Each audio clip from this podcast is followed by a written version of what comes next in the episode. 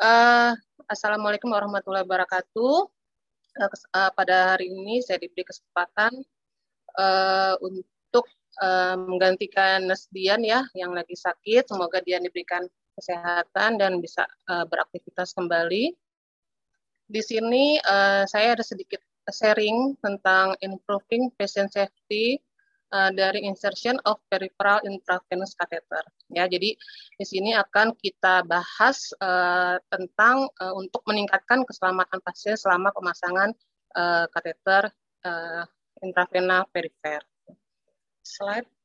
Ya, objek uh, objektif uh, dari materi ini nanti ada pengertian pemasangan infus perifer, pasien safety pada pemasangan in infus, uh, peralatan pemasangan infus perifer apa saja nanti bisa dilihat. Ada anatomi vena, teknik pemasangan infus perifer, dan risiko pemasangan infus perifer. Next. Uh, pendahuluannya yaitu uh, bayi yang dilahirkan di rumah sakit tidak semuanya mengalami proses kelahiran yang normal ya. Kadang kita suka dapat apa namanya info akan ada bayi lahir dengan gawat janin, atau lahir tidak menangis ya asfiksia dan air ketubannya bercampur dengan mengkonium itu akan uh, berdampak pada kehidupan bayi selanjutnya ya bayinya bayi sakit yang akan dirawat di NICU atau bayi resiko tinggi yang memerlukan uh, pemasangan jalur intravena perifer atau sentral sesudah resusitasi atau sebelum dirujuk. Nah ini akan uh, dilakukan tindakan invasif. Next. Ya uh, macam-macam tindakan invasif di ruang NICU itu ada banyak ya. Mungkin di antaranya ada pemasangan OGT ada pemasangan infus perifer ada PICC ada tindakan intubasi atau ventilator dan uh, pemasangan kateter urin. Tapi pada kesempatan kali ini saya akan uh, fokus pada pemasangan infus perifer. Ya terkadang perawat itu menganggap memasang infus itu hal biasa ya karena mungkin merasa kompetensinya. Tapi hmm. eh, sering melupakan ada komponen pasien safety di dalam eh, tindakan itu. Nanti apa saja yang kita eh, lihat eh, pasien safety dalam pemasangan infus perifer. Ya pengertian eh, pemasangan IV line itu merupakan tindakan pemasangan langsung pada akses vena untuk memberikan cairan nutrisi atau obat ke dalam pembuluh darah vena dalam jumlah dan waktu tertentu melalui pemasangan infus ya. Jadi uh, untuk memberikan uh, cairan nutrisi atau obat. Ya tujuannya menjaga keseimbangan cairan elektrolit dalam tubuh bisa memenuhi kebutuhan nutrisi masukkan darah dan komponennya dan memasukkan obat. Jadi pemasangan infus itu tidak hanya untuk cairan saja tapi bisa untuk memberikan darah uh, atau memberikan terapi obat. Next.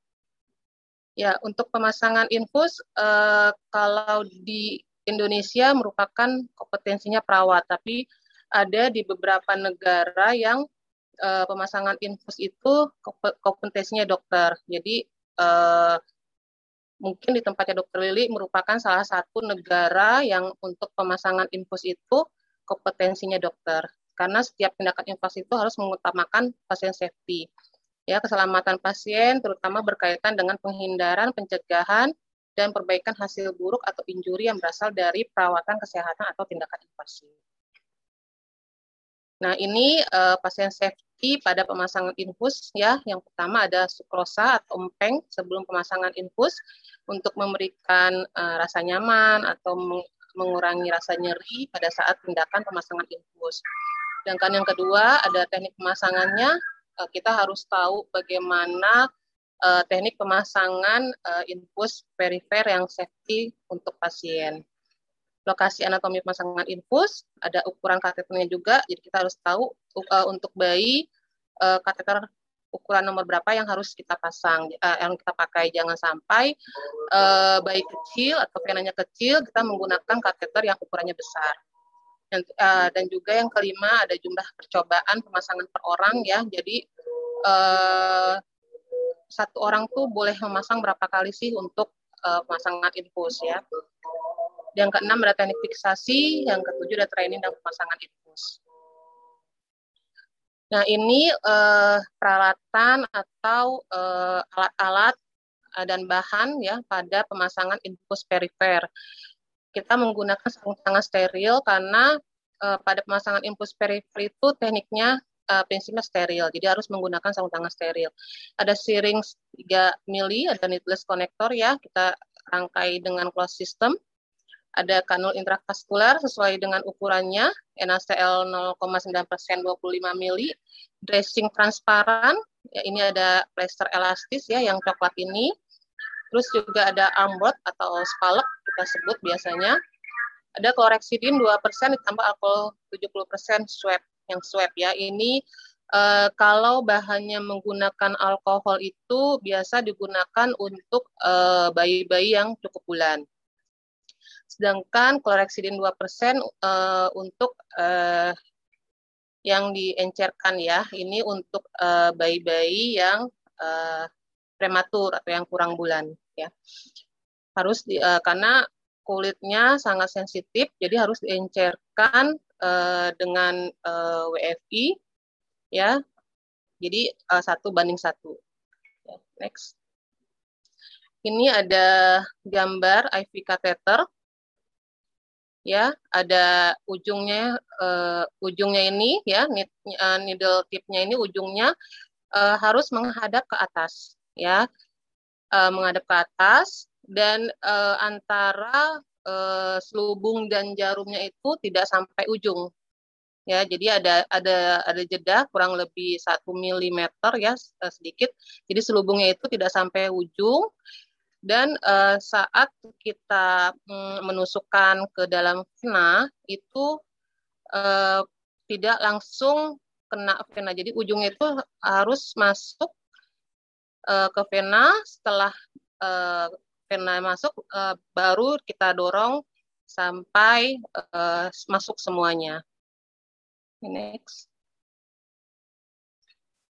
Nah, ini untuk teknik uh, pemasangan infus. Uh, yang pertama, pilihlah uh, tempat yang paling distal untuk menjaga potensial penusukan di tempat lebih proksimal ya. Jadi kita uh, memasang infus itu harus mencari uh, vena yang paling distal ya. Terus uh, gunakan tourniquet di bagian proximal insersi atau traction, uh, traction atau counter traction diperlukan untuk menstabilkan vena. Jadi uh, boleh menggunakan tourniquet uh, atau pengganti tourniquet boleh kita menggunakan uh, apa sarung tangan yang sarung tangan steril ya yang digunting ujungnya itu boleh pakai uh, kasa steril juga boleh uh, menggunakan tangan sendiri. Jadi uh, di mana lebih nyamannya menggunakan tourniquet.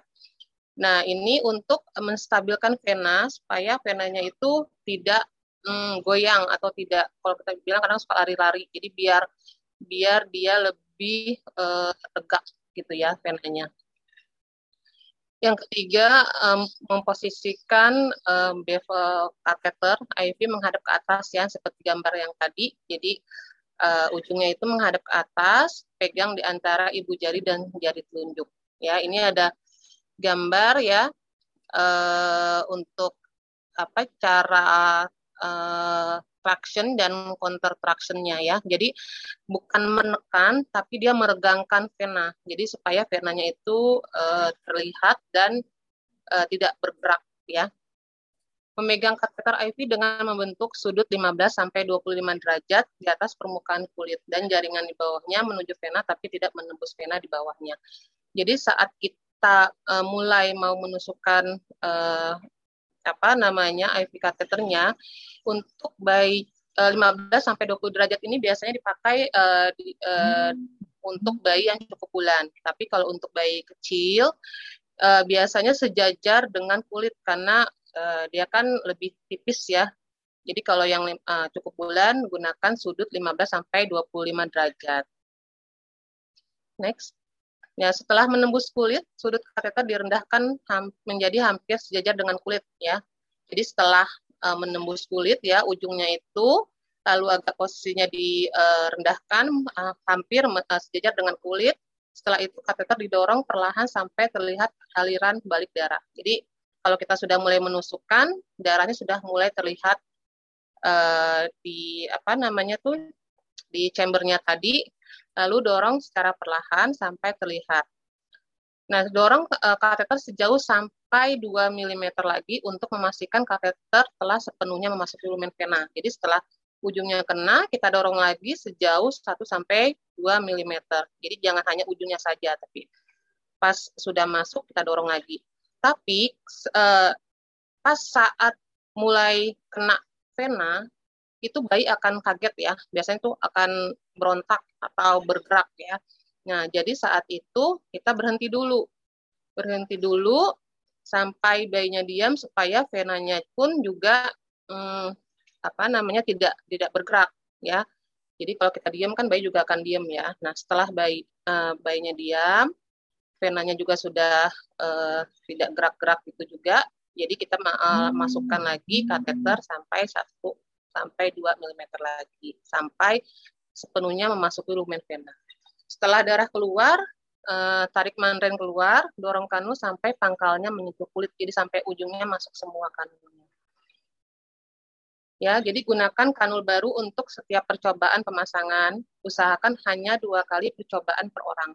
Bila gagal, harus dilakukan oleh orang yang lebih senior. Jadi, uh, kalau kita um, memasang infus, ya, untuk yang pemula uh, biasanya kita kasih kesempatan untuk dua kali. Tapi kalau misalkan dua kali gagal, mungkin bisa uh, minta bantuan yang lebih senior atau diberikan uh, kepada yang lebih senior untuk membantu memasang infus. Ya, pelaksanaan dalam memasang infus harus dilaksanakan sebaik-baiknya guna menghindari terjadinya komplikasi yang tidak diinginkan. Jadi safety untuk pasiennya juga.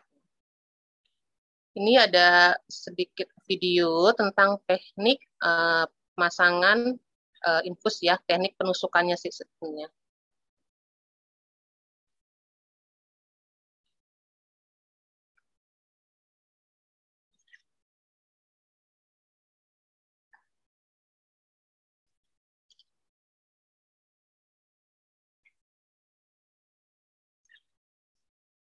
Ya, ini ada anatomi dari kateter sendiri ya, yang seperti tadi uh, di awal ya.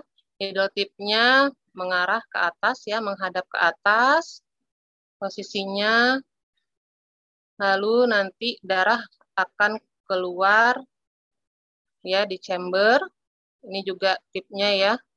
Tidak uh, sampai ke ujung ya, selongsongnya itu. Nanti kita akan lihat videonya uh, tahap demi tahap. Tahap yang pertama,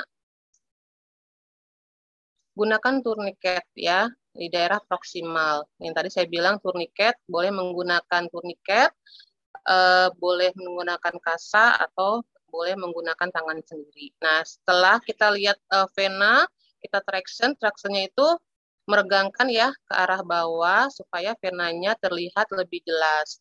Jika tidak bisa sendiri, boleh meminta bantuan teman ya untuk meregangkan venanya ya, tapi bukan menekan. Tahap yang kedua,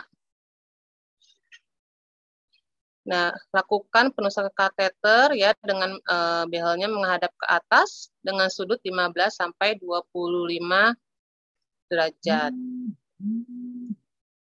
Ya, ini e, venanya ya terlihat ya. Jadi dibantu oleh asistennya untuk uh, meregangkan supaya penanya terlihat lurus.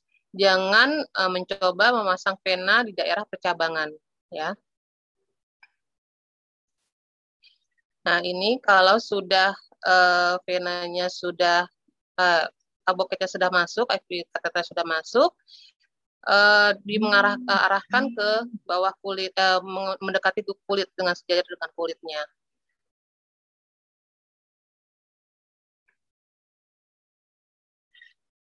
Ya, ini darahnya sudah terlihat.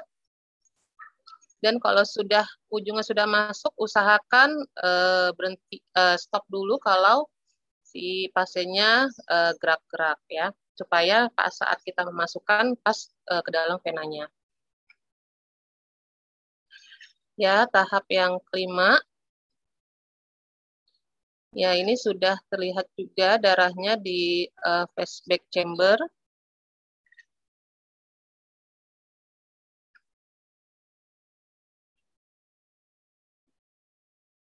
Ya, sudah uh, masuk ujungnya, kita dorong lagi 1 sampai 2 mm.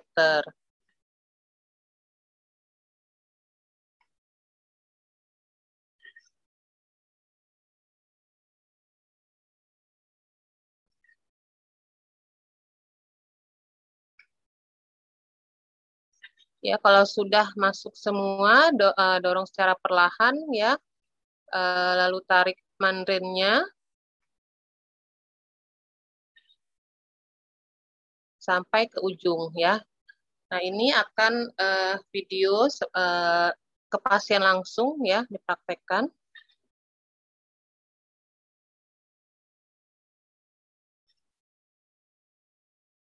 Ya, ini uh, dengan sudut 15 sampai 25 ya dengan bantuan teman untuk melakukan traction dan counter traction.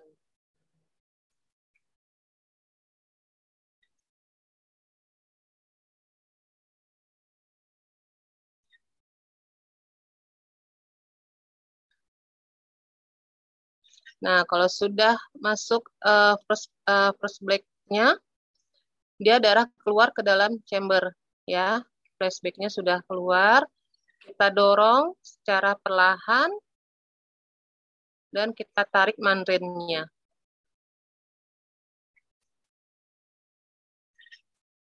ini cara yang kedua juga sama. Jadi kita bersihkan dulu kita desinfeksi area penusukan. Nah kita lihat venanya ya sudah terlihat venanya lakukan penusukan.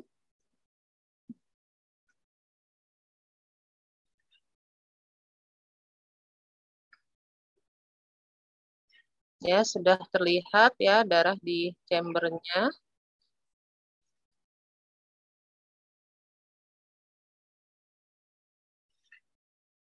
Ya, didorong sampai ke ujungnya.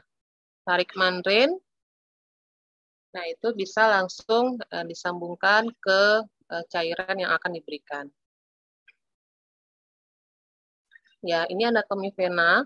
Lokasi pemasangan jalur intravena perifer dapat dilakukan pada pembuluh di tangan, di kaki, dan kulit kepala. Jadi kita bisa dipasang di mana, uh, tapi kita harus uh, mengetahui apakah dipasang di kepala itu uh, aman, tidak ada komplikasi, tidak ada resikonya ya. Jadi uh, kita harus tahu oh kepalanya ada masalah, misalkan ada kelainan, berarti kita, kita tidak boleh memasang infus di kepala. Nanti akan uh, apa terjadi hal-hal yang tidak diinginkan. Jadi kita harus tahu kondisi bayinya juga atau kita jangan memasang infus di uh, area yang penanya bermasalah ya. Nah, ini ada lokasi anatomi pemasangan infus juga. Lokasi pemasangan jalur intravena, maaf dok, pemasangan jalur intravena perifer dapat dilakukan pada pembuluh di tangan, di kaki dan kulit kepala. Jadi hindari memasang infus pada daerah-daerah yang infeksi, ya, vena yang telah rusak, vena pada daerah infeksi dan uh, vena yang ada kelainannya ya. Next. Ini ukuran kateter kita untuk pediatrik dan neonatus menggunakan nomor 24. Tapi kalau memang venanya lebih kecil, bisa menggunakan uh, ukuran nomor 26. Ya, pemilihan kateter vena dilihat dari ketebalan dinding kateter, ya, ketajaman jarumnya. Kita lihat dulu uh, apa namanya bagus atau tidak ya jenisnya itu, sifat uh, kelunakan kateternya dan desain yang aman untuk mencegah uh, cedera tertusuk untuk uh, jumlah percobaan pemasangan ya pasien safety pada pemasangan infus termasuk membatasi jumlah percobaan eh, pemasangan per orang. Jadi pemasangan hmm. infus perifer dilakukan oleh perawat yang sudah terlatih atau sudah mengikuti pelatihan. Ya, jadi uh, kalau untuk perawat-perawat uh, baru ya mungkin bisa mengikuti pelatihan dulu atau uh, jika mencoba memasang infus diberi kesempatan uh, dua kali. Jadi kalau misalkan sudah masang dua kali tidak berhasil, uh, bisa diberikan kepada perawat yang lebih senior atau yang lebih ahli. Next.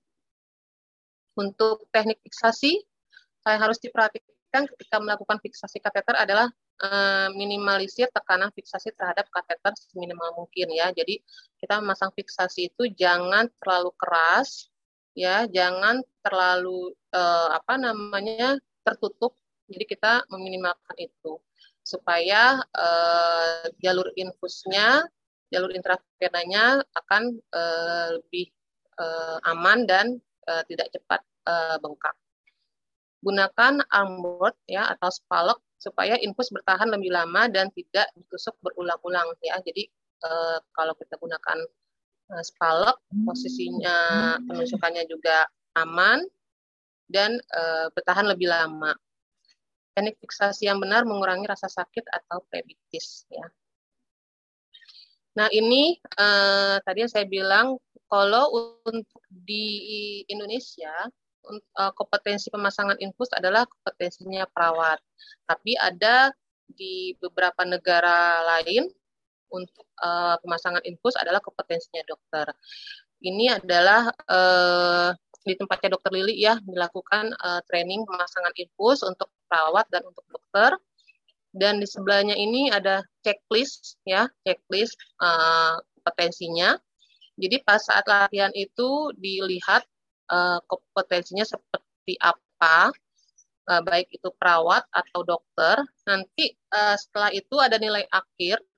Jadi kalau untuk uh, perawat yang lulus dari uh, apa namanya uji kompetensi ini dia uh, diizinkan untuk memasang infus. Tapi kalau misalkan dia tidak lulus, dia tidak diizinkan untuk memasang infus dan Uh, sedangkan dokter juga sama harus uh, dilakukan training dan uh, uji kompetensi. Ya, next. Ini uh, checklist pengecekan infus harian, ya, uh, daftar pemasangan infus ulang. Jadi uh, kita harus uh, apa namanya mengobservasi setiap hari, ya, ada jamnya dan tanggalnya itu ada indikatornya itu yang kita lihat itu ada indikasi pemasangan ulang infus. Kenapa sih uh, dia dipasang ulang pada tanggal sekian, jam sekian, dia dilakukan pemasangan ulang infus. Kenapa? Apa masih perlu untuk jalur infus cairannya atau hanya untuk pemberian antibiotiknya saja? Nah, lokasinya di mana? Kita tulis apakah di tangan, di kaki atau di kepala ya. Jadi uh, saat nanti ada plebitis atau ada hematom itu terlihat kapan dipasangnya dan tanggal berapa. Jumlah percobaan tusukan infus. Jadi juga kita harus tahu eh, berapa kali eh, eh, saat itu dilakukan penusukan infus, berapa tusukan yang kita pasang eh, saat itu ya.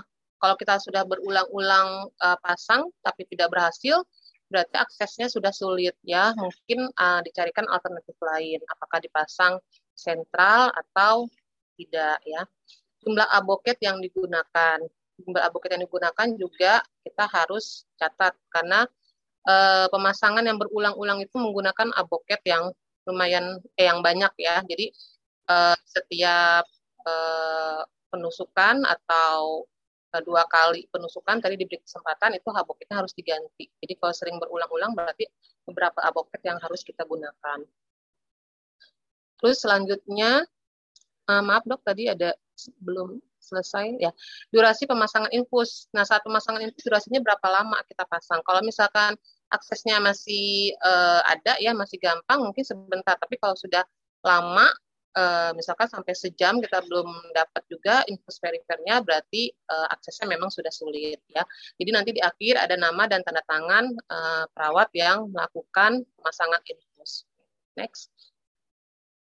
Nah, hal-hal yang perlu diperhatikan pada tindakan pemasangan infus ya. Tadi yang pertama ke sterilitasnya karena pemasangan infus perifer itu uh, prinsipnya steril ya. Terus fiksasinya, fiksasi yang benar juga uh, safety buat pasiennya itu sendiri. Tidak dilakukan uh, penusukan berulang-ulang dan infusnya juga bisa bertahan lebih lama pemilihan cairan infus. Nah, untuk uh, infus perifer ini tidak bisa di, uh, dilalui semua cairan. Jadi kita harus tahu, oh ini osmolaritasnya seperti, uh, bagaimana, atau apakah lebih pekat. Kalau misalkan lebih pekat, kita juga harus uh, koordinasikan dengan dokter apakah boleh dipasang di infus perifer atau tidak. Karena nanti kalau kita paksakan di infus perifer, nanti akan terjadi hal-hal yang tidak diinginkan. Mungkin bisa seperti ekstravasasi. Ya. Jadi kita harus tahu jenis cairan yang akan diberikan. Selanjutnya, hindari sumbatan pada bevel jarum atau kateter intravena ya, jangan sampai ada clotting. Itu yang uh, bisa menyebabkan uh, infeksi atau hal-hal yang lainnya. Selang infus dipasang dengan benar, lurus, tidak melengkung, tidak terlipat atau terlepas sambungannya. Ya, jadi uh, selang infusnya itu tidak boleh nekuk. Nanti kalau nekuk itu berarti kan cairan yang diberikan tidak uh, tidak efektif ya. Jadi ada hambatannya. Nah, kegagalan pemasangan dan pemberian infus. Ya, kenapa sih kita gagal dalam pemberian infus? Nah, kita harus tahu tuh Salah satunya di antaranya yaitu jarum infus tidak tepat masuk ke vena. Ya, jarum infusnya nggak masuk ke vena, cairannya masuk menjadi ekstravasasi ya, jadi membahayakan pasien dan pasien juga tidak safety. Terus yang kedua pipa infus tersumbat ya, jadi mungkin ada clottingan darah nih, ada clottingan darah, terus eh, dipaksa masuk cairan, jadinya berbahaya juga untuk bayinya hmm. ya. Hmm jarum infus atau vena terjepit karena posisi lengan fleksi. Jadi dia menekuk ya, dia pasang infus, tapi bayinya menekuk ya karena tidak dipasang spalok, jadinya cairannya tidak uh, bisa masuk uh, sesuai dengan yang diinginkan. Atau jarum jarum infus bergeser ya, itu juga uh, menjadi kegagalan dalam pemasangan infus dan pemberian cairan. Next. Nah, untuk penyebab kegagalan pemasangannya, tadi kan penyebab kegagalan dalam pemberian cairan. Sekarang penyebab kegagalan pemasangan intravena. Gagal memvisualisasikan vena. Kita tidak eh, venanya mungkin sudah tidak terlihat atau mungkin venanya sudah habis kalau kita bilang ya. Bisa menggunakan uh, lampu uh, transiluminator ya. Jadi kita bisa menggunakan lampu itu uh, bagi yang punya ya. Jadi uh, bisa melihat melihat uh, vena yang agak sulit ya. Jadi kita menggunakan lampu transluminator itu. Gagal menstabilkan vena, kita gunakan teknik tadi traction dan counter traction ya. Jadi meregangkan ya, bukan menekan supaya venanya itu lebih stabil. Perhatikan sudut penusukan perlahan sampai didapat aliran balik vena. Ya, tadi penusukannya harus 15 sampai 25 derajat untuk yang bayi uh, cukup bulan ya. Setelah terlihat darah keluar, uh, perlahan dorong kateter beberapa milimeter lagi agar seluruh ujung kateter berada di dalam vena. Jadi sampai ujungnya selongsongnya itu masuk semua. Kalau bayi terlalu aktif atau kesakitan, kita bisa berikan uh, berikan sukrosa ya untuk memberikan rasa nyamannya atau mengurangi rasa nyerinya. Uh, kegagalan lanjutnya yaitu kurang latihan. Jadi pemasangan infus itu juga perlu latihan dan tidak boleh terburu-buru. Jadi harus benar-benar harus uh, santai ya karena kalau terburu-buru malah hasilnya tidak aman untuk uh, pasiennya sendiri. Next. Next. Ya, ini untuk uh, akses pena yang sulit ya, yang tadi saya bilang uh, gunakan lampu transluminasi untuk membantu identifikasi vena. Ini ada dua macam jenis lampu transluminasinya. Uh, yang ditunjuk ini, ini yang bisa uh, lampunya itu di uh, apa sesuai dengan keinginan kita. Mau yang uh, lebih terang bisa diatur, ya. Kalau yang sebelahnya ini untuk uh, bayi yang uh, cukup bulan karena tidak bisa diatur uh, penerangannya. Jadi sekali uh, apa dinyalakan langsung dia uh, besar ya. Kalau yang sebelahnya bisa diatur. Nah, ini untuk uh, fiksasi ya. Biasanya kalau menggunakan uh, pressure itu itu area penusukan uh, tidak terlihat ya. Jadi uh, kita nggak tahu apakah ada plebitis atau enggak ya. Jadi ini tidak safety untuk pasiennya. Sifatnya juga tidak steril ya. Sifatnya tidak steril dan dapat terkontaminasi darah karena dia kotor ya. Nah, sedangkan kalau yang uh, gambar di sebelahnya ini menggunakan uh, dressing transparan yang sifatnya steril, ya. Dia fiksasinya kuat, mudah dimonitoring ya untuk komplikasinya pada plebitis atau tidak. Next. Nah, ini contoh-contoh uh, dressing transparan ya. Uh, gambar yang di atas ini dressing transparan uh, yang kecil ya. Jadi sesuai dengan uh, pasien kita yaitu pasien neonatus. Yang paling kanan ini untuk bayi-bayi yang uh, kurang bulan ya karena lebih kecil lagi ya. Next. Nah, dressing transparan itu efektif digunakan untuk pemasangan infus ya karena sifatnya steril.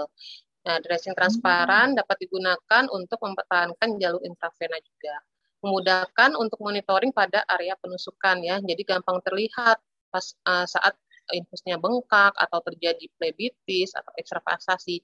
Kalau kita tidak memakai dressing transparan tidak bisa untuk dimonitoring. Ya, tidak mudah kotor, dan lembab dan tidak perlu diganti dengan sering. Jadi kalau terlihat masih bersih dan dia tidak uh, mengelupas ya, itu uh, dressingnya tidak perlu diganti. Tapi kalau misalkan terlihat kotor, udah mulai mengelupas, dressingnya harus kita ganti supaya tidak terjadi infeksi. Nah, ini untuk armboardnya ya, atau spalok ya uh, memasang infus anak pada bayi bukan merupakan hal yang mudah ya, karena memiliki vena yang kecil dan rapuh, makanya tadi diperlukan uh, latihan ya untuk uh, supaya lebih uh, ahli lagi dalam pemasangan infus pada bayi. Karena venanya itu kecil dan mudah rapuh ya, sehingga diperlukan fiksasi menggunakan onboard atau spalok ya untuk membatasi pergerakan akses pena agar tetap pada posisinya serta mencegah pergerakan tidak perlu yang menyebabkan infiltrasi atau peradangan. Jadi kalau bayinya gerak-gerak aktif itu uh, jalur in, uh, infusnya masih tetap di posisi yang sama, jadi tidak berubah ya. Yang penting kita uh, fiksasinya dengan tepat. Ya. Next, nah uh, untuk uh, safety selanjutnya menggunakan needless connector ya atau istilahnya closed system ya. Jadi uh, konektor untuk kateter intravena yang aman dan mampu membantu mengurangi kejadian tertusuk jarum pada petugas kesehatan. Ya, ini merupakan hal yang dianjurkan saat ini. Jadi uh, kitanya aman dan uh, bayinya juga tidak terkena infeksi ya. Konektor tanpa jarum dapat mengurangi uh, kontam kontaminasi mikroorganisme pada pasien jika dibandingkan dengan three way ya atau open system. Jadi uh, untuk yang kelas sistem ini dia uh, tanpa jarum, jadi tidak menggunakan jarum saat, saat koneks, konektornya dan uh, mengurangi mikroorganisme masuknya mikroorganisme kepada jalur intravenanya. Ini instrumen infus steril ya yang kita gunakan di RSCM. Jadi setiap kita memasang infus ya karena sifatnya steril, prinsipnya steril, kita gunakan uh, instrumen infus steril. Jadi kita kemas seperti ini. Ini semua isinya steril. Jadi kita kirim ke CSSD. Jadi isinya itu ada uh, nirbeken ya, ada pengalas, ada kasa, kasa steril, ada pinset dan plester. Jadi semuanya ini steril uh, mulai dari kasa sampai plester pun juga steril. Jadi kita tidak perlu uh, pas saat pasang infus itu kita mau fiksasi kita cari-cari plester lagi. Jadi itu sudah disiapkan di dalam instrumen infus steril ini. Next. Nah, untuk uh, risiko pemasangan infus perifer itu bisa terjadinya plebitis ya, peradangan pada pembuluh darah ya, tangan bayinya bisa jadi bengkak, kemerahan ya. Terus ada hematom juga, membekakkan segera pada tempat penusukan dan kebocoran darah pada tempat penusukan ya. Jadi eh, apa namanya bayinya jadi kayak uh, ada masalah ya nggak safety juga untuk bayinya. Ada infiltrasi. Infiltrasi terjadi ketika cairan intravena memasuki ruang seputan sekelilingi tempat insersi vena. Ada juga tromboplebitis ya menggambarkan aja bekuan ditambah peradangan dalam vena. Jadi ada mungkin ada bekuan di uh, kateternya atau di jalurnya, tapi tetap kita uh, dorong masuk dengan cairan infus ya, jadi uh, Atau ada emboli darah, ya masuknya udara ke dalam sirkulasi darah terjadi akibat masuknya udara yang ada dalam cairan infus ke dalam pembuluh darah. Jadi eh, kalau kita memasukkan obat atau cairan, kita juga harus eh, melihat apakah ada udara atau tidak di jalur infusnya, karena bisa menyebabkan emboli udara. Ya next.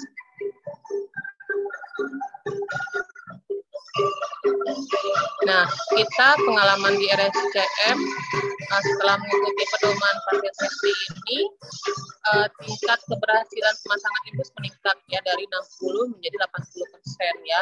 Memang tidak mudah untuk melakukan uh, sebuah perubahan ya harus uh, kita sering-sering latih, kita sering-sering edukasi untuk uh, apa namanya membuat keberhasilan atau membuahkan hasil yang lebih baik. Nah, fiksasi yang benar dan penggunaan armor membuat bertahan lebih lama. Ini uh, sejak kita pakai fiksasi atau kita sejak, uh, sejak pakai spalek, infus bisa bertahan selama tiga hari. Yang biasanya mungkin tidak sampai sehari sudah bengkak.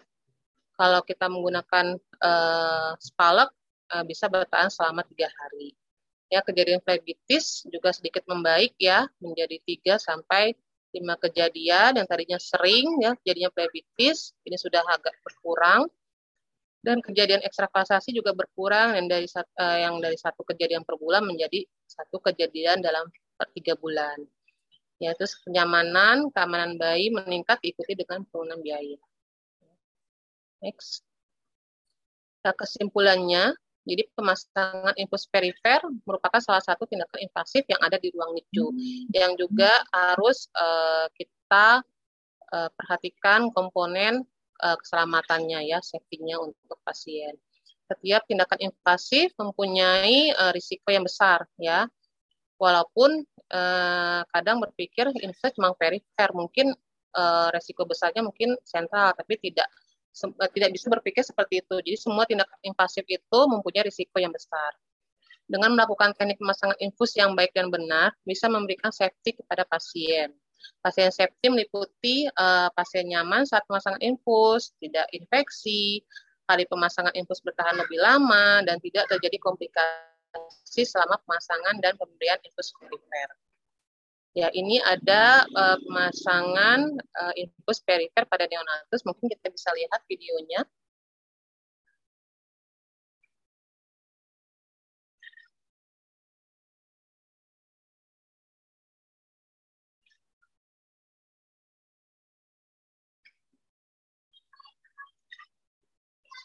Ya, ini ada persetujuan tindakan ya harus uh, izin tindakan dulu kepada orang tua ya sebelum melakukan pasangan infus identifikasi dulu pasien terlebih dahulu.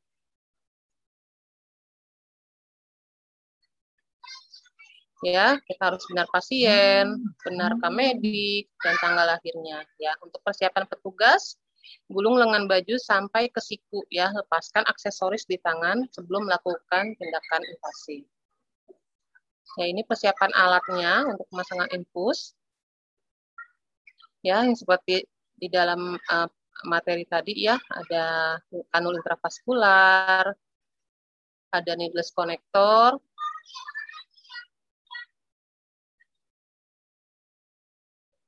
ada siring 3 mili.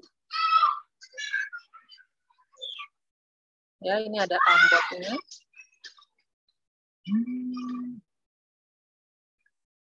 Ini dressing transparannya ya sesuai dengan ukuran neonatus. Ini plester elastis. Ya, alkohol, alkohol percasing swab. Ya, ini NaCl 25 mili. Dan sarung tangan steril ya, karena prinsipnya pada pemasangan infus itu steril. Dan ini instrumen infusnya sudah disiapkan.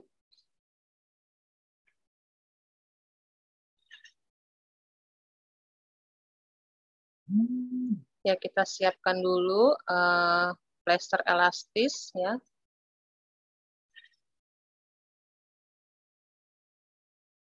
Sebelum pemasangan, kita siapkan dulu alat-alatnya.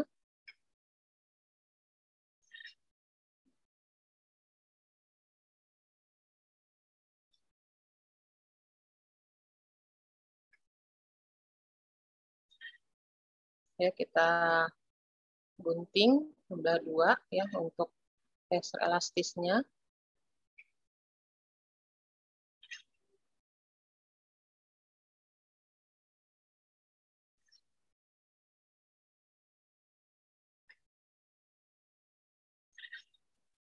Ya, kita potong beberapa bagian untuk laser elastisnya.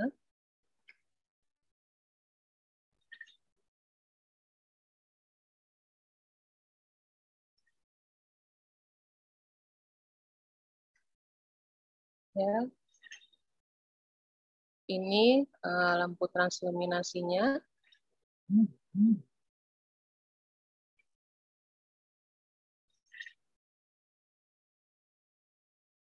Ya, ini yang tadi saya bilang bisa diatur ya penerangannya sesuai dengan kebutuhan. Kalau yang ini tidak bisa diatur penerangannya. Ya, persiapan pasiennya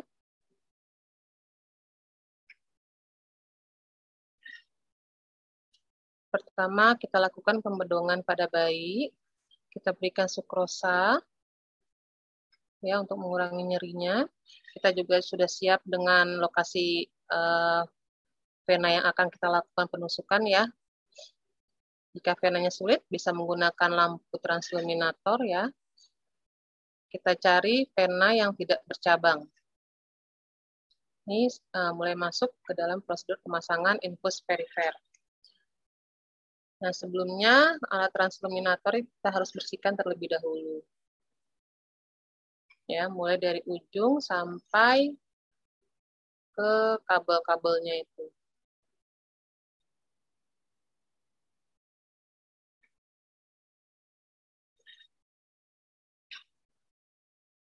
Ya, semua dibersihkan dengan tisu desinfektan. Setelah itu, meja tindakannya juga kita harus bersihkan dengan menggunakan tisu desinfektan. Kita melakukan hand hygiene ya, bawah air mengalir.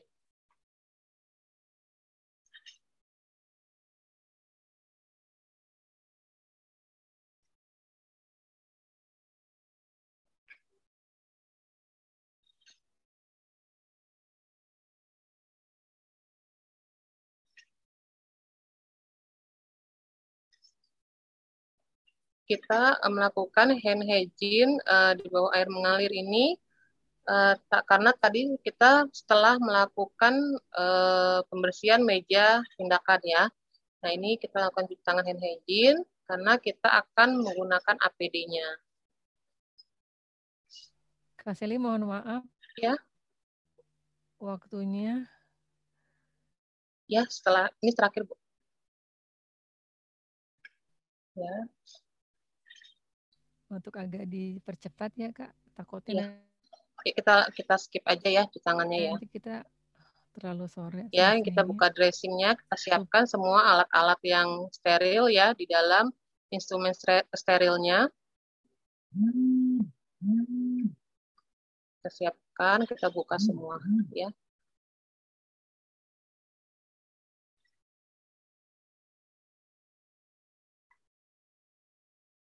Ya, ini sudah dibuka semua alat-alat steril yang kita akan gunakan. Masuk juga kanul intravaskularnya.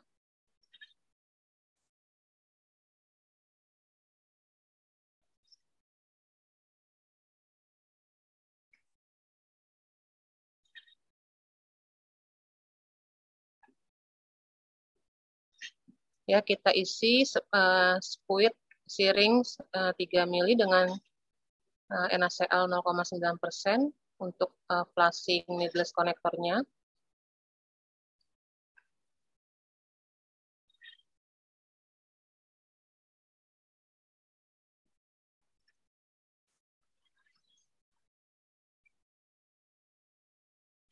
Ya, kita flushing needless konektornya dengan NaCl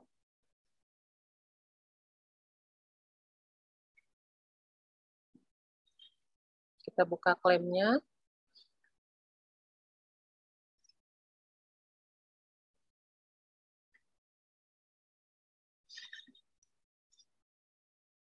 Ya, kita akan menggunting uh, dressing transparannya ya. Kita gunakan gunting steril lebih baik Kalau tidak ada, kita bersihkan dulu dengan alkohol swab. Kita akan membuat uh, turniket dari uh, kasa steril ya. Jadi kita bikin dari kasa steril untuk turniketnya.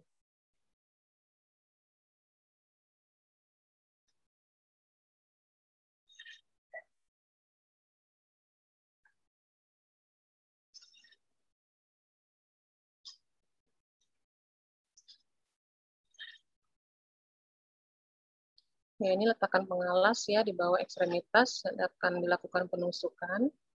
Jadi kita sudah siapkan ekstremitasnya, lakukan desinfeksi pada area penusukan dan tunggu sampai kering untuk kata kuncinya. Jadi lakukan penusukan pada vena yang telah dipilih ya. Ini menggunakan lampu transluminator tadi ya, karena akses venanya sudah sulit. Ya, darah sudah keluar, kita tarik uh, mandarinnya ya. Lalu kita uh, sambungkan dengan nidus konektor tadi, dan ini harus dibersihkan supaya tidak terjadi infeksi. Kita lakukan fiksasi pada kanul intravaskular. Ya, pastikan area penusukan tidak tertutup.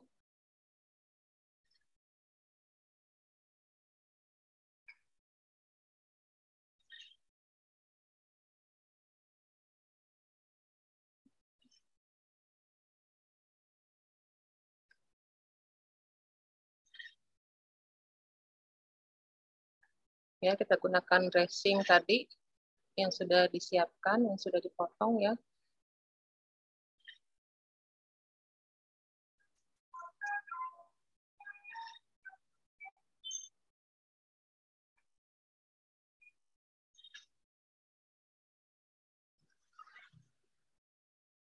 Kita pasang ambotnya atau spalok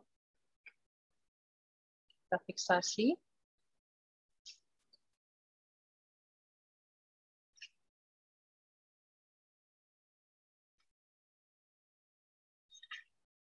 ya kita fiksasi di atas dan di bawahnya supaya lebih lebih kuat.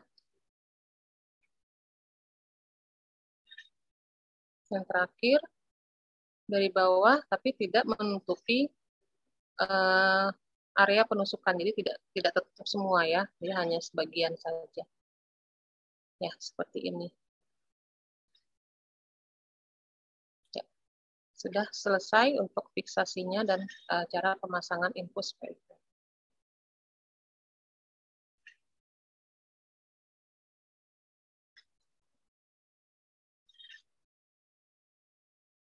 Ya, area penusukan tidak boleh tertutup untuk observasi harian, tanda infeksi, dan ekstravasasi.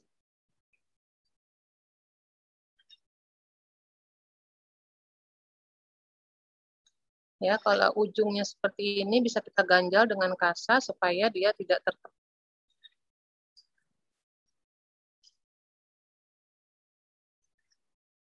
Sudah selesai, kita rapikan alat-alat dan dibuang ke dalam safety box. Ya, uh, mungkin sampai di sini. Terima kasih. Saya kembalikan kepada Ibu Moderator.